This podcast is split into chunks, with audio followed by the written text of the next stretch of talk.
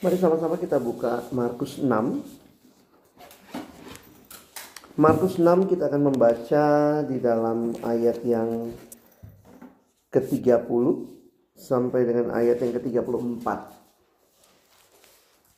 Markus 6 ayat 30 sampai ayat yang ke-34.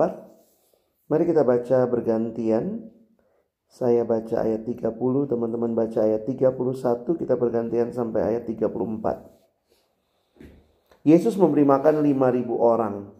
Kemudian rasul-rasul itu kembali berkumpul dengan Yesus dan memberitahukan kepadanya semua yang mereka kerjakan dan ajarkan. Lalu ia berkata kepada mereka, marilah ke tempat yang sunyi, supaya kita sendirian dan beristirahatlah seketika. Sebab memang begitu banyak orang-orang datang dan sehingga makan pun mereka tidak sempat. Maka berangkatlah mereka untuk mengasingkan diri dengan perahu ke tempat yang sunyi. Tetapi pada mereka bertolak, banyak orang melihat mereka dan mengetahui tujuan mereka. Dan mengambil jalan darat, setelah datang dari semua orang sehingga mendahului mereka. Ketika Yesus mendarat, ia melihat sejumlah besar orang banyak, maka tergeraklah hatinya oleh belas kasihan kepada mereka, karena mereka seperti domba yang tidak mempunyai gembala. Lalu mulailah ia mengajarkan banyak hal kepada mereka. Kerohanian ini hal yang menarik untuk kita perhatikan bahwa ternyata itu kunci di dalam pelayanan kita karena kita sedang mengerjakan pelayanan yang rohani adanya. Jadi saya tanya sama mahasiswa di Jakarta juga waktu kami ada retret gitu ya. Kalau kita mau spiritual check up bagi kita kira-kira kita ada di mana sekarang? Jangan-jangan apa kita statusnya ini rawat jalan, rawat inap, sudah di ICU atau bahkan sudah di kamar jenazah secara kerohanian kita. Dan saya pikir memang kesibukan dan kerohanian dua hal yang sering kali jadi dipertentangkan. Sangat sibuk, tapi ternyata nggak seger rohaninya. Seger rohaninya tapi pemalas saya gitu. Tapi ya saya pikir dua hal ini akan selalu jadi tension yang jadi pergumulan kita. Dan Yesus dan murid-muridnya mengalami itu. Nah satu hal yang saya garis bawahi adalah apa yang menjadi prioritas Yesus juga buat murid-muridnya. Tentu Tuhan Yesus tidak mengesampingkan pelayanan. Tapi di sisi yang lain kita melihat Yesus juga peduli sama kerohanian. Nah, teman-teman, coba lihat sebentar kisah ini. Ini kisah yang biasa kita baca dan renungkan, tapi saya mau kita coba lihat sedikit konteksnya. Jadi saya akan main di konteks untuk memberikan kita gambaran apa yang terjadi. Nah, kalau kita perhatikan, kenapa rasul-rasul itu kembali dan berkumpul dengan Yesus? Ada peristiwa di pasal 6 ayat 8b atau 6b Yesus mengutus 12 rasul. Jadi rasul-rasul ini sudah diutus, mereka melayani dan nampaknya begitu luar biasa, sukses pelayanan, lalu pulang nih kepada Yesus. Jadi lihat konteksnya ya. Kemudian rasul-rasul itu kembali berkumpul dengan Yesus dan memberitahukan kepadanya semua yang mereka kerjakan dan ajarkan. Kira-kira bagaimana feelingnya para rasul? Sudah pelayanan, banyak hal yang mereka sudah lakukan. Dan kalau kita lihat ya di ayat 12 misalnya, Lalu pergilah mereka memberitakan bahwa orang harus bertobat. Dan mereka mengusir banyak setan, mengoles banyak orang sakit dengan minyak dan menyembuhkan mereka. Kira-kira gimana feeling mereka? Capek pengen istirahat. Capek pengen istirahat. Sisi yang lain? Pasti ada happy-nya juga gitu ya. Pelayanan wah orang disembuhkan setan diusir. Again it's mixed feeling. Waktu mereka pulang nampaknya mereka mau istirahat. Pasti capek ya habis pelayanan. Yesus tahu gak tentang hal itu? Tahu ya. Makanya lihat ayat 20 31 lalu ia berkata kepada mereka marilah ke tempat yang sunyi supaya kita sendirian dan beristirahatlah seketika. Kalau teman-teman cuma melayani terus tidak pernah istirahat tidak pernah nikmati waktu dengan Tuhan saya pikir kita udah menyalahi prinsip pelayanan itu sendiri. It's the stop that keeps you going.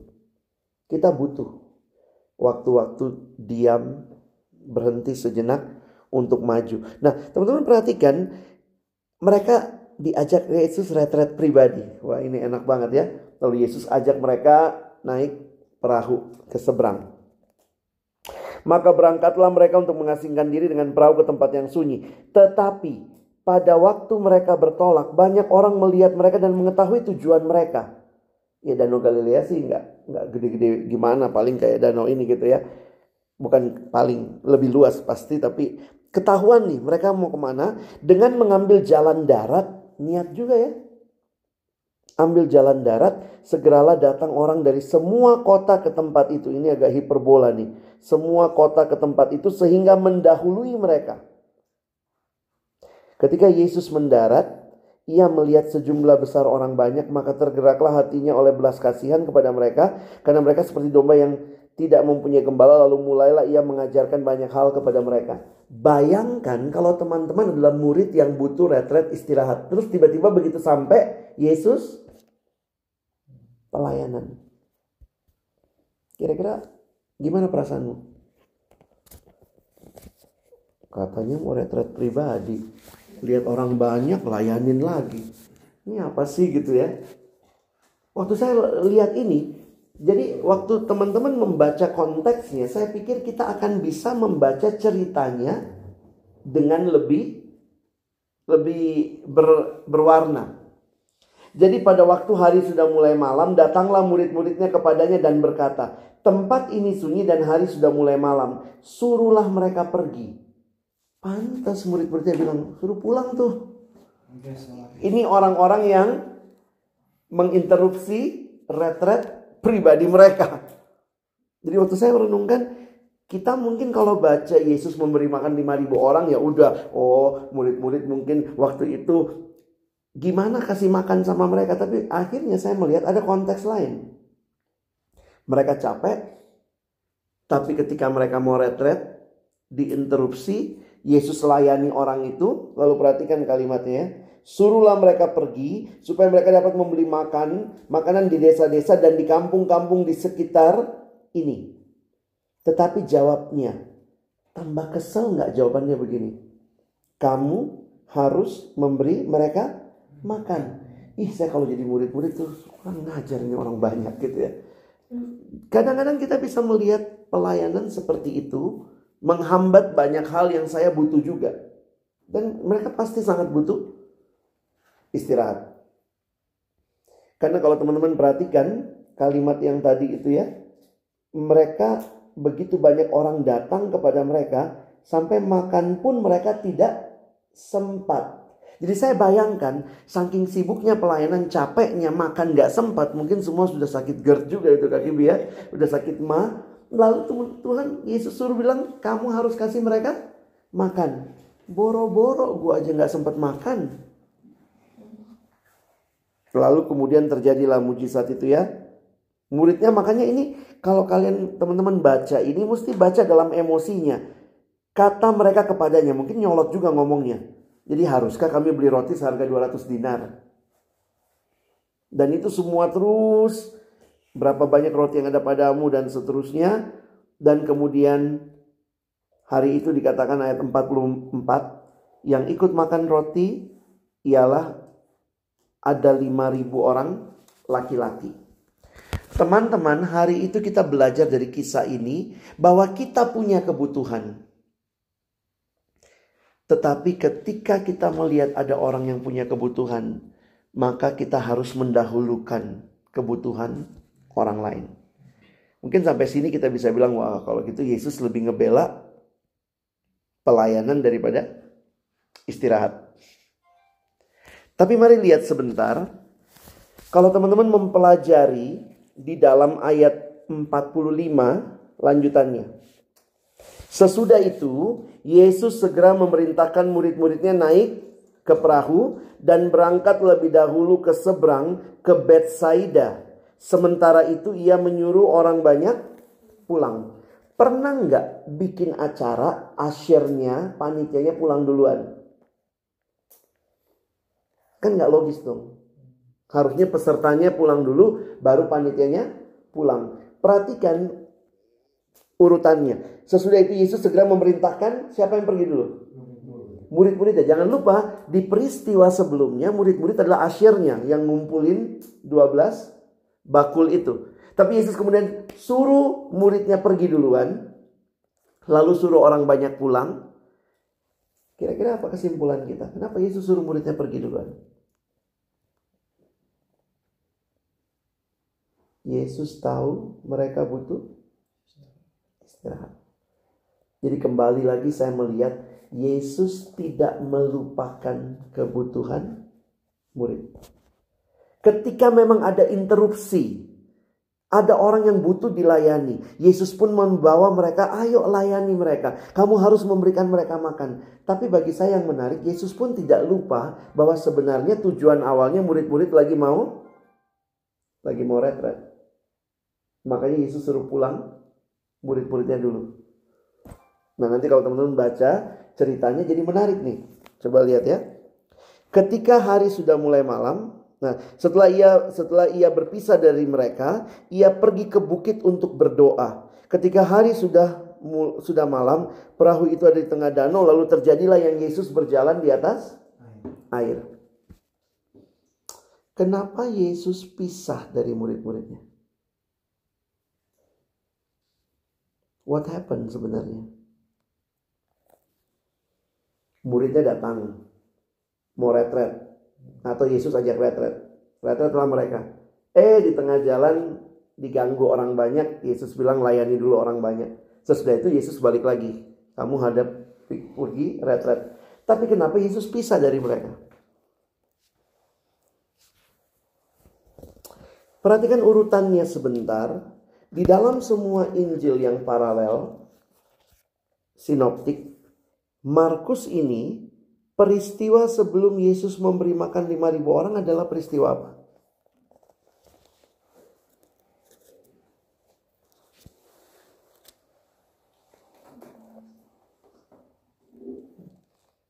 Peristiwa apa sebelum Yesus memberi makan 5000 orang? Yohanes Pembaptis dibunuh. Lihat paralelnya. Kita masuk Matius sebentar. Di dalam Matius ceritanya sama. Yohanes Pembaptis dibunuh, lalu Yesus memberi makan 5000 orang. Teman-teman sekarang lihat sebentar ayat pasal 14 Matius. Lalu baca ayat terakhir di pasal di perikop pertama ayat 12. Kita baca ayat 12 sama-sama ya. Satu, dua, ya. Kemudian datanglah murid-murid Yohanes Pembaptis mengambil mayatnya dan menguburkannya. Lalu pergilah mereka. Kenapa mereka kasih tahu sama Yesus? Apa hubungannya Yesus sama Yohanes Pembaptis?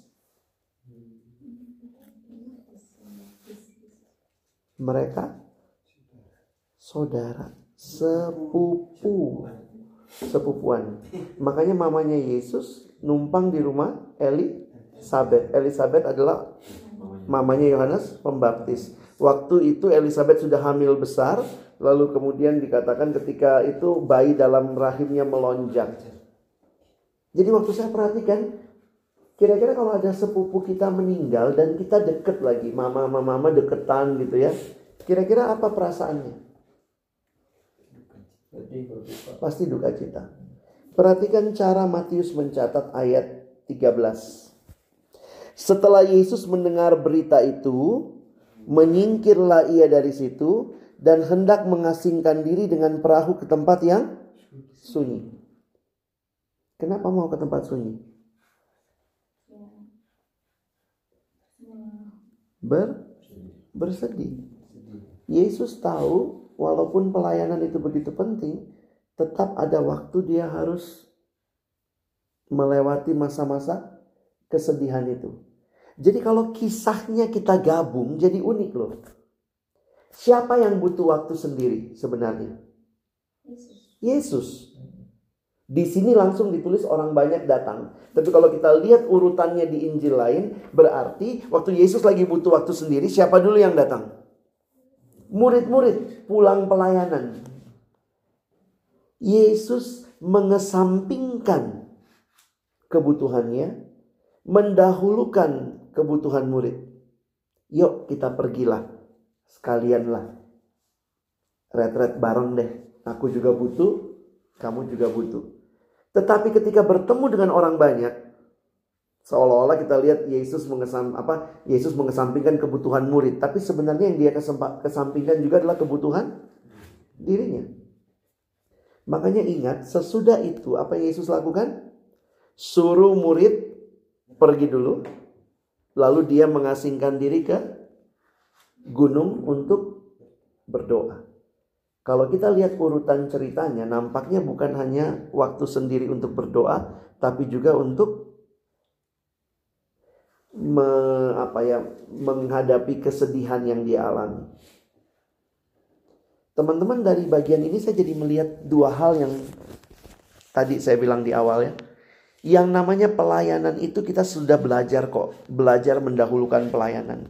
Tapi melihat cara Yesus deal dengan pergumulan, dengan kehidupan, dengan kondisi batinnya. Saya pikir kita pun nggak bisa mengabaikan waktu-waktu untuk kita evaluate ourselves. Yesus saja butuh waktu seperti itu. Jadi teman-teman dan saya banyak kali kita mengesampingkan kebutuhan kita. Kita lagi mengedepankan pelayanan ya kalau bicara jujur-jujur aja ya saya sebenarnya nggak terlalu suka nih tapi ya harus lakukan mungkin potensi kita kita rasa bisa lebih dari situ mungkin kita merasa tertekan dengan situasi kondisi pelayanan tapi balik lagi saya harus katakan mari kita terus punya waktu-waktu juga deal dengan pergumulan kita dan saya berharap dua hari ini kita bareng-bareng sampai besok biarlah kita terbuka di hadapan Tuhan. Ini waktu yang mungkin Tuhan set aside. Pasti yang kita tinggalin banyak lah ya. Nambah dua hari, oh berapa KTB, harusnya ada evaluasi, mungkin ada acara apa. Tapi we need this time. Kita butuh. Dan justru waktu kita mem memundur sejenak dari pelayanan akan mengasah kapak kita lebih tajam untuk melayani lebih baik.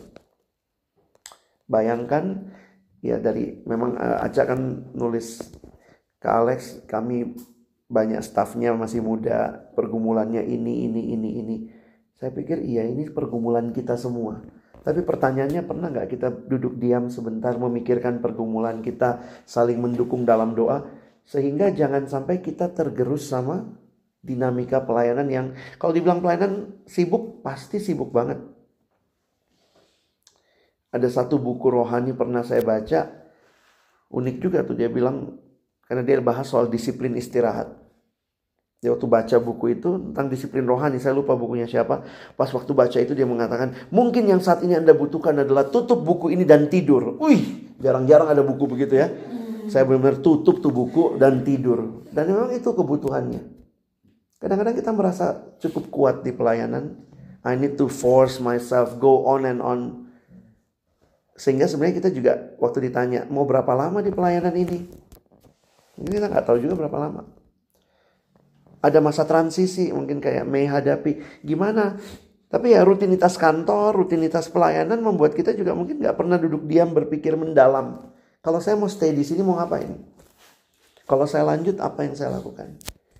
Mungkin juga karena rutinitas pelayanan kita pernah selek satu sama lain saling menyakiti kita nggak pernah punya waktu untuk say sorry Kenapa? Wah, udah, oh yang penting pelayanan, yang penting pelayanan. Soal hubungan satu sama lain, gimana? Mungkin pola komunikasi kita.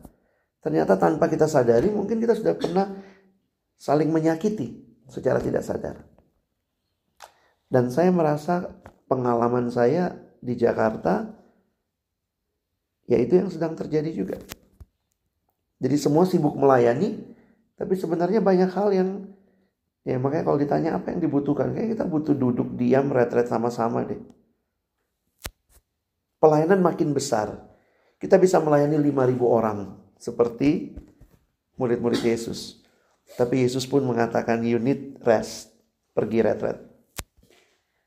Mungkin di situ kita belajar lagi merefresh diri kita. Jadi besok saya akan tolong teman-teman mungkin bukan satu arah tapi kita sama-sama gitu ya. E, melihat apa yang perlu kita pikirkan dalam pelayanan ini, melihat bagaimana kita bisa maju sama-sama supaya akhirnya pelayanan yang semakin besar ini bisa dikelola oleh pribadi-pribadi yang terus-menerus menikmati disegarkan oleh Tuhan. Oke? Jadi kiranya perenungan ini menolong kita bisa makin tajam dalam pelayanan kita. Mari kita tutup dalam doa. Tuhan terima kasih banyak.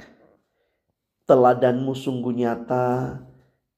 Engkau memberikan waktu melayani murid-murid di tengah-tengah kesedihanmu tetapi bukan berarti engkau tidak deal dengan kesedihan itu.